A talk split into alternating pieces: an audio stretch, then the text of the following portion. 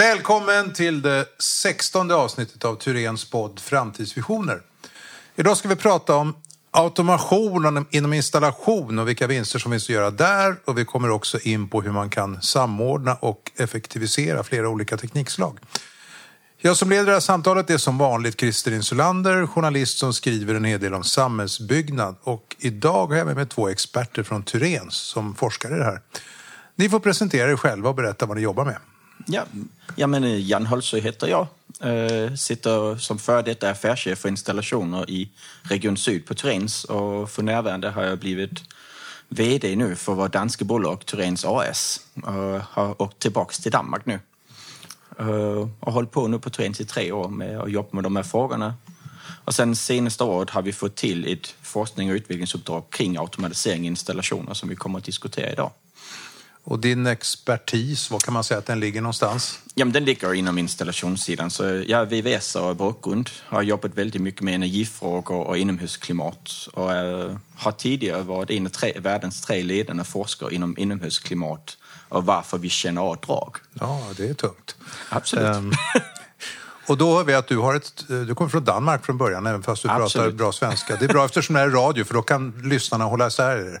För vi har också Olof med oss här. Yes, Olof Friberg heter jag. Eh, jag är ju eh, BIM och GIS-expert, tror jag titeln heter, eller specialist eh, på Tyrens BIM och GIS-avdelning. Jag jobbar ju mycket med informationshantering och informationssamordning i stora komplexa infrastrukturprojekt kan man säga.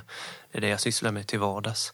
Och eh, på senare tid har jag jobbat jättemycket med vårt eh, stora forskningsprojekt på eh, geobim eller undermarks-BIM. BIM för undermarksbyggande kort och gott kan man säga. Mm. Du ska få berätta lite mer om det senare. Ehm, men ni har, har ni jobbat tillsammans tidigare? Det har ni inte va? Inte så mycket va, Jan, Inte egentligen. i särskilt uppdrag, men eh, vi ser varandra på kontoret. Ja, ja, så kan man säga. Ja. ja, ni behövde inte presentera när vi sågs här före intervjun i alla fall. Absolut. Um, men Jan då, du är mm. handledare på universitetet, ett danskt universitet va? För Danmarks Tekniska Universitet i Lyngby i Danmark, ja. Just det, inom ett eh, forsknings och utvecklingsprojekt som handlar om just de här frågorna. Berätta, hur har det projektet uppstått? Och, ja. Nej, men, alltså, projektet har så att säga uppstått på Tyrens för att eh, jag och min eh, kollega Andreas B.M. Fredin, eh, som är affärschef för Region Öst i Stockholm, vi diskuterade rätt så länge kring möjligheterna för automatisering eh, inom vårt eget område. Det är ju en global, en av de här globala trenderna eh, för globalisering och sen urbanisering och digitalisering. Och sen kan man säga automatisering är det som blir, heter det avledad, av digitalisering. Ja. Och sen kommer robotifiering och allt sånt också. Ehm, så det var faktiskt genom automatiseringen och vad kan vi göra för nytta där, att vi gjorde en ansökning till stiftelsen på Tyrens för att få börja kolla vad finns det för möjligheter inom automatisering inom vårt eget område. Och det har vi hållit på med nu i snart sex månader. Nu. Eh, kolla vilka möjligheter och då blir en följdfråga, vilka möjligheter finns det? Ja men eh, det är det, det har visat sig det finns hur många möjligheter som helst. Eh, det är väldigt, väldigt stora, eh, eller det är väldigt många områden var det finns små processer som vi kan automatisera och få en dator att göra fram för att vi själv ska sitta och göra det vid hand jag sitter med mätstock och allt sånt, för det finns så mycket. Alltså, det, Olof vet det för geobim-modellerna. Att det finns så mycket information inom IVA BIM-modeller nu som vi drar ut på ritningar och sen sitter och gör som vi alltid har gjort. Mm. Framför att nyttja de här nya verktygen som har kommit. Vi underutnyttjar ju kanske informationen skulle man kanske kunna säga. Den ja. potential som finns. Och, och fler och fler kunna ta nytta av samma information från ett ställe framför att vi sitter och genererar samma info tre gånger. Precis. Eller sex eller åtta. Ja, eller tio eller tolv. Ja. Jättemånga gånger. Och det finns ett antal nya programvaror som ni använder, eller vad? Ja, men, eh, det som har gjort en helt stor skillnad de senaste två åren, det är att det har kommit en mjukvara som heter Dynamo. Eh, som är en, det är en motsvarande program med någonting som heter Grasshopper som fler kanske känner till. Uh, och det är bara AutoCAD eller uh, Autodesk som har gjort sin egen program, mjukvara som gör samma sak som en, någon annan uh, utvecklare har gjort. Men de gör att vi faktiskt kan prata genom ritning och genom de här mjukvaran in i andra, eller alla andra program vi har. Så vi kan prata från Revit eller AutoCAD direkt in i Excel eller PowerPoint eller vad folk jobbar med. Så nu kan vi flytta info emellan alla de här mjukvaran utan att, alltså, att testa någonting själv. Vi kan bara säga till den, läs av det och skicka den här, processera den, gör någonting annat och sen skicka den tillbaks. Så nu kan vi faktiskt få Excel och rita för oss plötsligen. Och det är, ja, det var ofattbart för två, tre år sedan. Ja, absolut. Mm. Och vad, vad, är status på forskningen precis här just nu? Ja, men där vi har kommit igenom och börjat få göra din roadmap eller kart, vad heter det, kartlagt allt vad som, eller inte allt vad man kan göra med det, men vi har hittat jättemånga områden var vi kan hitta vinster som gör istället för att skulle handlägga kanske i tre veckor så kan vi göra det plötsligt på en dag. Och det är ju jävligt mycket tid man kan spara och leverera en bättre kvalitet eller få ett bättre resultat. Ja, det måste finnas massor av tid och pengar att spara här. Har du någon uppfattning om hur mycket det är? Alltså, jag skulle säga det vi har hållit på att analysera fram till inom vårt eget område, för jag tror faktiskt det är det gäller. Geo, ah, trafik, järnväg, alla områden på Tyren får man skulle kunna göra någonting. Men bara inom för VVS som vi själva har tittat på nu, så skulle jag gissa att upp mot 60 procent av allt vad vi har gjort fram till idag skulle vi kunna få automatiserat på något sätt. Så vi bara lägger ner tid och kanske även mer tid där var vi skapar ett ordentligt värde för våra kunder. Men att sitta och mäta med en mätstock, det är mm. kanske inte det vi ska få betalt för Nej, längre. Precis. Eh, men det här finns inte på marknaden ännu, eller hur? Alltså det är vissa av våra konkurrenter som också har börjat titta lite på det här och har jobbat med fler delar av det, men det är ingen av dem som har lyckats att implementera det än. Och eh, ni, har, har ni, hur, hur Thorens, ni har samarbetspartners när ni jobbar med det här och ni har fått något kundintresse också? Företag som har visat intresse för det här, hur ser det ut där? Ja, men, eh, alltså mycket av det här är faktiskt en intern grej. Alltså, eh, vi, kan, vi har arkitekter som gärna vill ta del av det vi gör för att vi kan ge dem ett underlag och träffa beslut på mycket snabbare än vad man kan idag. Men det är mycket också internt att vi kan revidera våra egna processer och jobba Alltså snabbare med bättre kvalitet än vad vi gör idag och i mer vad säger man, ensartat. Mm. Så vi gör det på samma sätt. Olof, du jobbar då med det du kallar för geobim. Ja, precis. Ja, för den oinvigde, vi förstår ju naturligtvis, men förklara för lyssnarna, vad är geobim? Det ska jag göra. Nej, men det är ju undermarksbim kan man säga. Eh, hur vi hanterar undermarksinformationen i, i våra projekt. Och det gäller ju då Eh, Eh, flera olika teknikområden som är närbesläktade då. Men om man, man tar de vi jobbar mest med på, på Tyrens då så är det ju geoteknik då såklart. Eh, miljögeoteknik eller förorenad mark som det, som det kallas, i teknikområdet. Eh, berg och eh, hydrogeologi och även geofysik då, som man jobbar med. Och alla de här teknikområdena har ju eh, det gemensamt att man utför väldigt många olika undersökningar för att kunna beskriva markens eh, beskaffenhet där vi ska konstruera någonting eller projektera någonting. Va? Eh, och det genererar ju väldigt mycket data då, väldigt många olika eh, dataformat. Och där har vi ju sett precis det som Jan beskriver då tidigare, att vi, vi la väldigt mycket tid då bara på att eh, kanske kopiera data mellan ett format till ett annat eller eh, transformera den eh, från olika koordinatsystem eller vad den månde vara. Va? Eh, och alla de här manuella stegen de innebär ju eh, dels en ganska tråkig arbetsuppgift men också en kvalitetsrisk. Då. Ehm, jag har ju själv eh, erfarenhet av det tidigare sättet att jobba och eh, av eget intresse gjorde jag lite sådana här undersökningar på hur, hur, hur mycket knappar man fel då, hur, även om man tycker man är väldigt noggrann när man ska flytta från något filformat till något annat eller sådär, eller man ska digitalisera något som inte är digitalt eller sådär. Och jag kom väl fram till att det är svårt att göra eh, göra det hundraprocentigt utan det, det, blir kanske fel på 3 procent av det man eh, jobbar in eller sådär. Liksom. Um, och det har vi försökt komma åt då genom en helt ny eh, arbetsmetodik egentligen för hur vi med hjälp av automatiserade processer kan hantera och processera den här informationen som vi samlar. Va?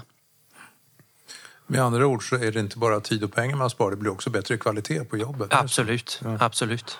Eh, har du något konkret exempel på när ni har tillämpat det här? Eh, ja, vi har ju kört under det här forskningsprojektets gång så har vi kanske tillämpat den här metodiken i varierande skala skulle jag säga, men i ett ja, 10-20-tal projekt i alla fall. Då. Ehm, Och eh, det är ju mycket stora infraprojekt vi använder det, till exempel Varbergstunneln eller Norrbotniabanan. Eh, Ostlänken och den här höghastighetsbanan är också ett exempel på där vi eh, nyttjar den här effektiva eh, informationshanteringsmetoden då, som vi kallar GeoBIM. Och vilken är din roll här? Eh, min roll här är väl egentligen att att eh, säkerställa dels kvaliteten då på de processer som vi nu automatiserar. Eh, att det, det, det är kvalitetssäkrat och, och bra och fungerar då innan vi släpper ut det. Och också eh, designa de här processerna. Hur ska det ske rent tekniskt då? Vad är det maskinerna ska, ska göra åt oss då, eller datorerna i det här fallet? de ska ta en datamängd och generera ett 3D-objekt i en BIM-modell, säg. Eh, okej, okay, hur ska det här 3D-objektet se ut? Vilken eh, data ska objektet bära i form av egenskaper? Eh, den typen av, eh, av jobb är det ju som jag har gjort i, i det här forskningsprojektet. Då. Men det är också ett internationellt forskningsuppdrag? Ja, det är det. Det har varit eh, internationella aktörer inblandade eh, och faktiskt eh, folk från Danmark då. Ja, ja men Århus till exempel. Ja, precis. Ja, så de har varit ja, med du, du berättade när vi försnackade att det var något universitet som hade fått nys om det förstås att de inte förstod svenska. Ja, det, det är jättekonstigt faktiskt. Vi har ju gjort eh, eh, tidigt gjorde vi lite olika filmer som vi la ut på Youtube och sådär. Och så har vi ju hemsida och nu en portal där vi eh, delar på det här eh, som vi har tagit fram. Då.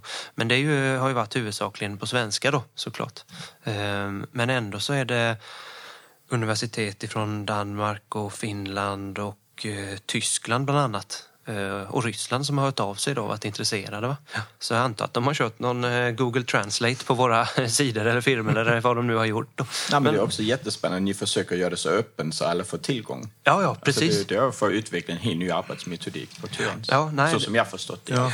Det... det... skulle vara roligt att höra den där filmen Google-översatt. Ja. det går väl göra det live. Ja, nästintill. Men är det, ja.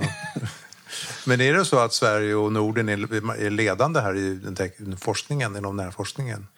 Eh, ja, det skulle jag nog eh, säga. Det finns ju duktiga eh, personer och initiativ även på, på andra ställen. Men jag tror att vi, vi är nog först ut att verkligen nyttja det skarpt i, i, i stora projekt över många teknikområden då, och verkligen har vi tagit ansvar för hela, hela processen då, från fältundersökningar till det underlag som vi faktiskt levererar till projektörer eller konstruktörer då, eh, i form av BIM-modeller, alltså modeller som bär eh, egenskaper. Då. Är det någonting som du känner igen, Jan, i det liksom där som Olof pratar om i ditt tänk? Kring?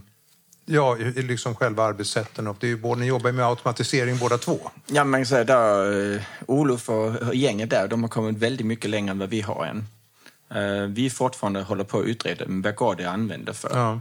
Var att, eh, de har hittat en metodik och håller på att sprida kunskapen kring den.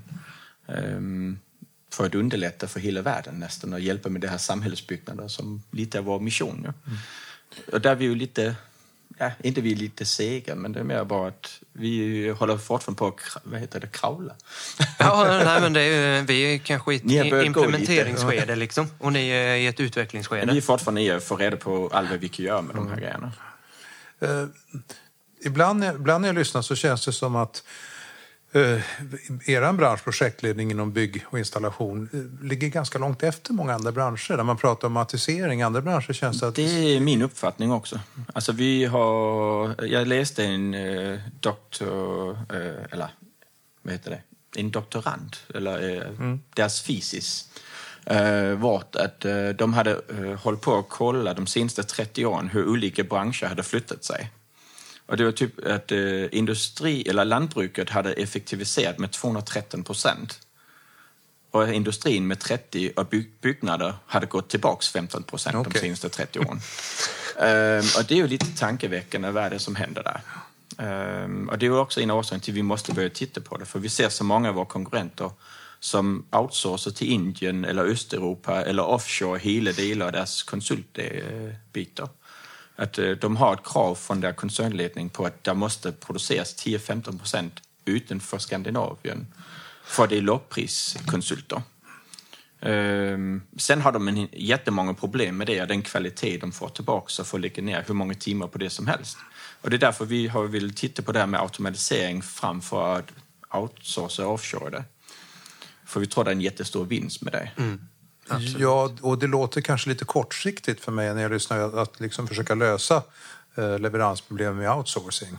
Ja, men det är lite det. Väldigt många av de här aktiebolagen, de gör ju det för de måste leverera ett resultat. Och de säger att alltså, vi är här, den tur, vi är stiftelseägd. Mm.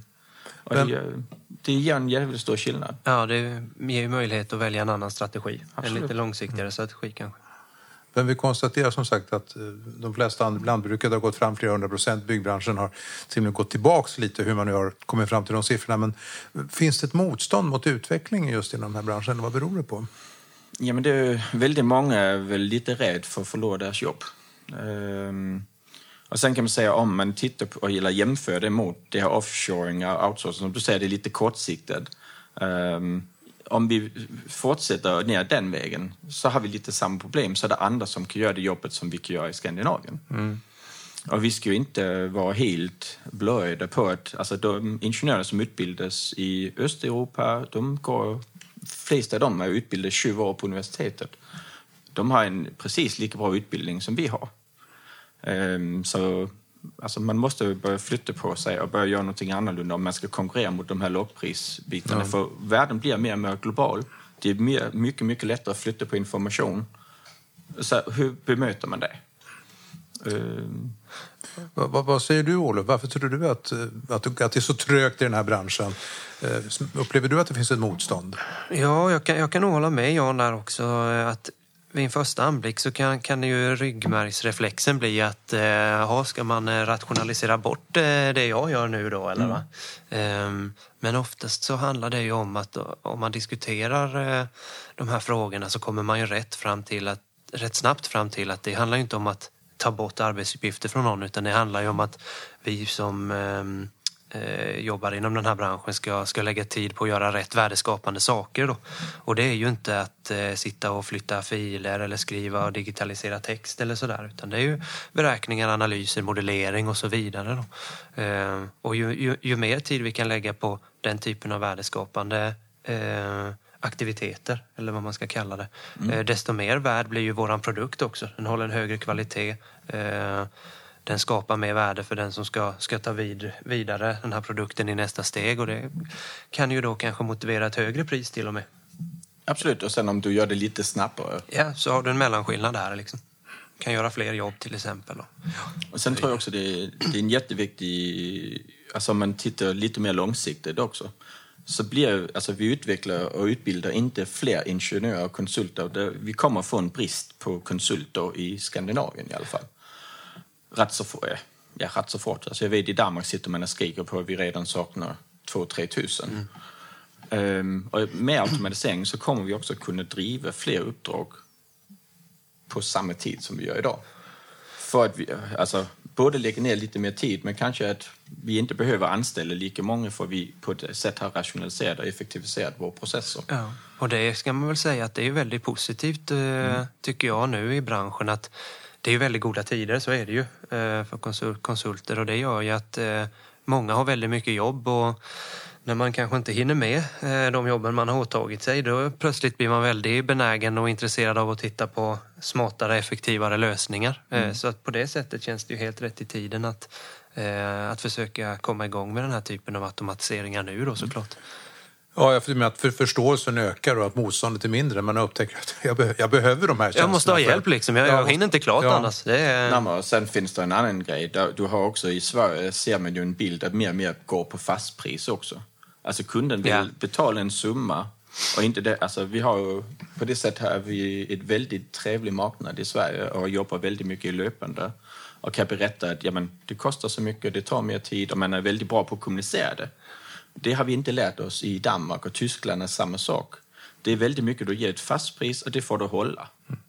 Så där, du är väldigt mer, eh, vad säger man, det är att effektivisera. Eh, eh, du har en väldigt en väldigt mycket större och brinnande plattform. Man? Jo, men det är klart, om man debiterar per timme så blir det någonting helt annorlunda. Nu med effektiviseringen så vinner du ju själv så att säga. Absolut. Du levererar. Du levererar ja. Direkt. Men vad, vad kan man då, eh, nu har du sagt att motståndarna sjunker lite grann mycket för att det är goda tider. Är det dåliga tider då, blir, då ser ju alla till sitt. Men eh, vad, vad kan man göra för att sänka motståndet mot den här typen av effekt, effektiviseringar i konsultbranscher eller robotisering som du kallar det för? Ja, jag, jag tror ju att det handlar väldigt mycket om att kunna visa på goda exempel.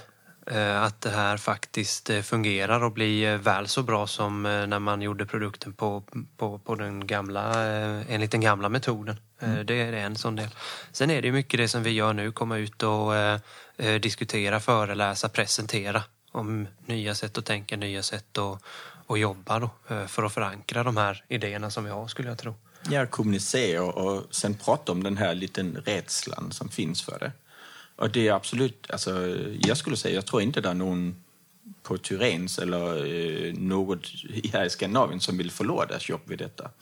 Alltså, mm, jag tror mer bara att alltså, vi kommer att kunna leverera en bättre produkt och våra kunder kommer att kunna bli även gladare för att jobba med oss. Absolut. Och sen, det, det är ju inte unikt för er bransch, just den här rädslan. Jag själv som jobbar med kommunikationsbranschen, när den digitaliserades så var det klart att alla typografer var ju livrädda för att det behövdes inte typografer längre. Nej, men jag läste någonstans att Metro Express, det hade också typ 70 procent av alla de här små rubrikerna. De Ja. skrivna i en dator nu. Så att, Det- eh, så att det, det, där är ju inte, där är inte er bransch unik. Det handlar om att försöka, försöka hantera det och få, få liksom förändra det eftersom det har varit en, en tröghet.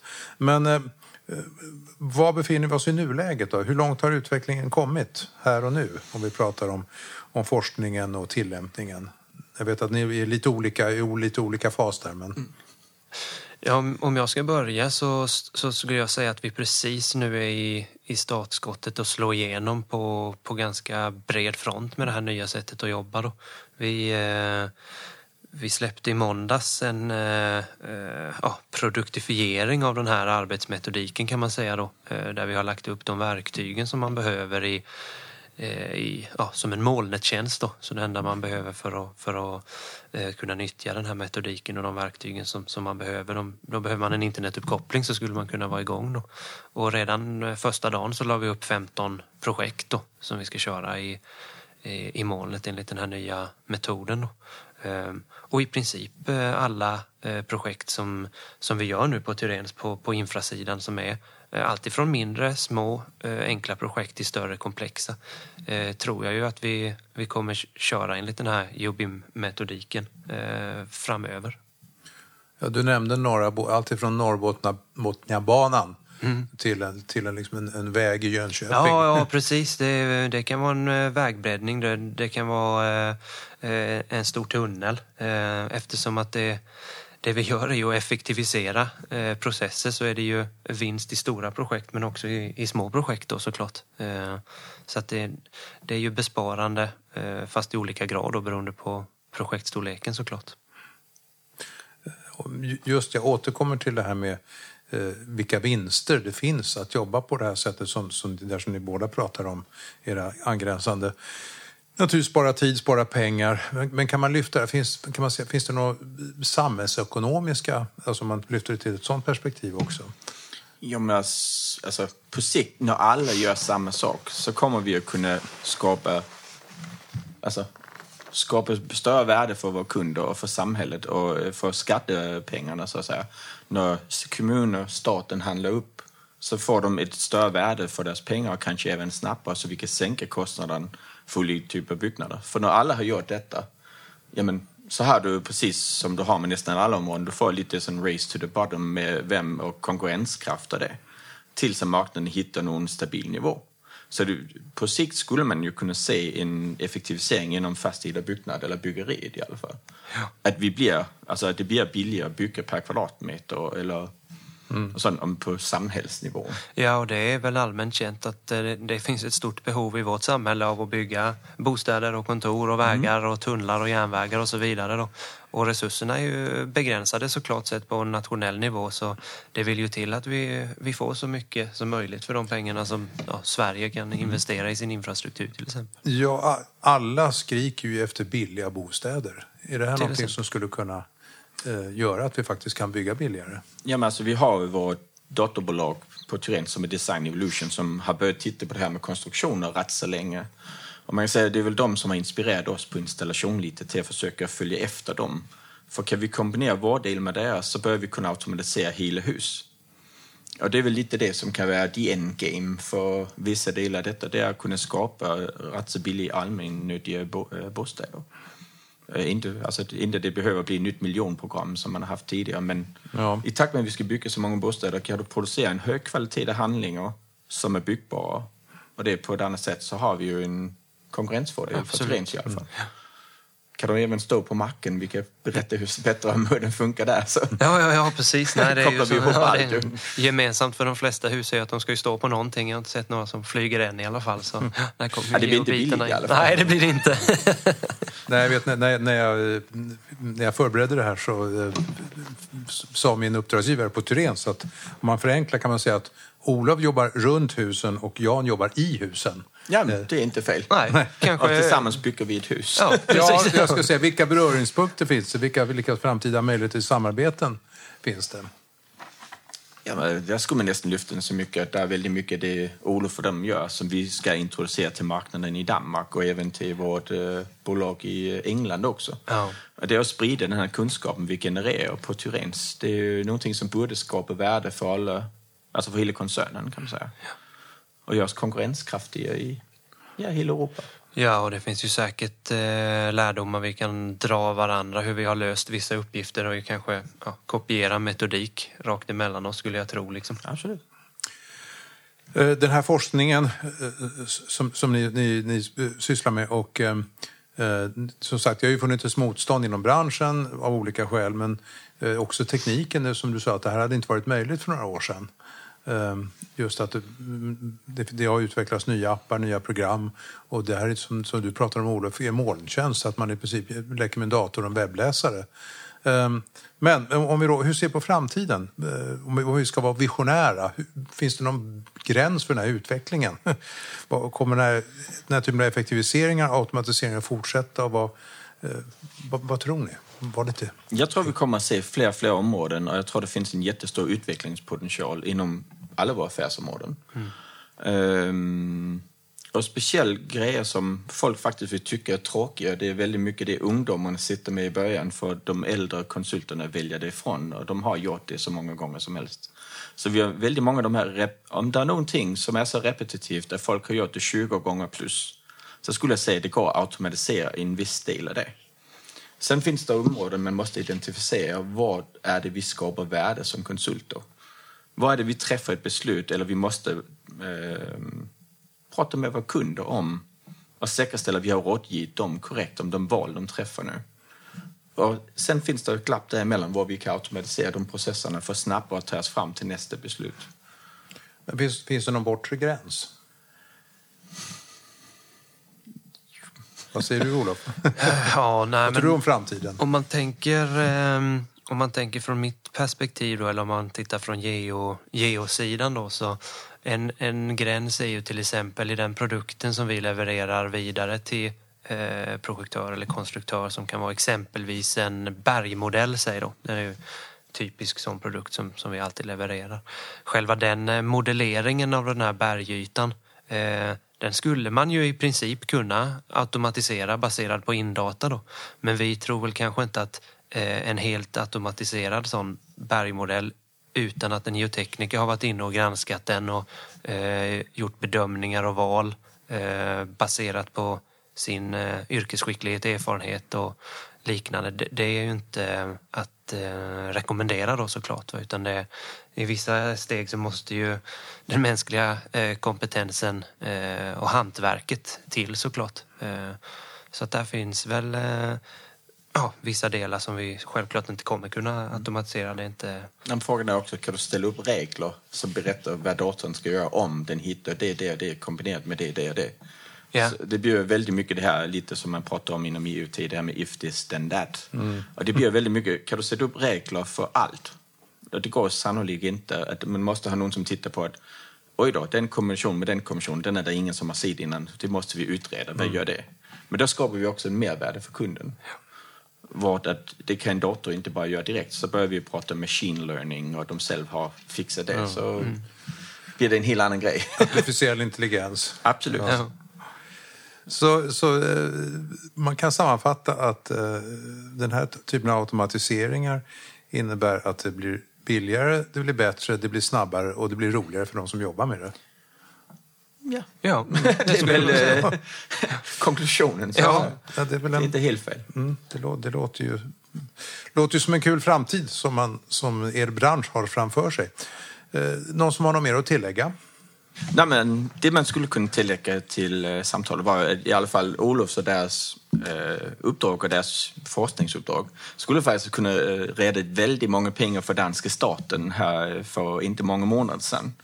De hade en sån tunnelmaskin som en TPM eh, som de gjorde sönder för de inte hade koll på hela eh, undermarken.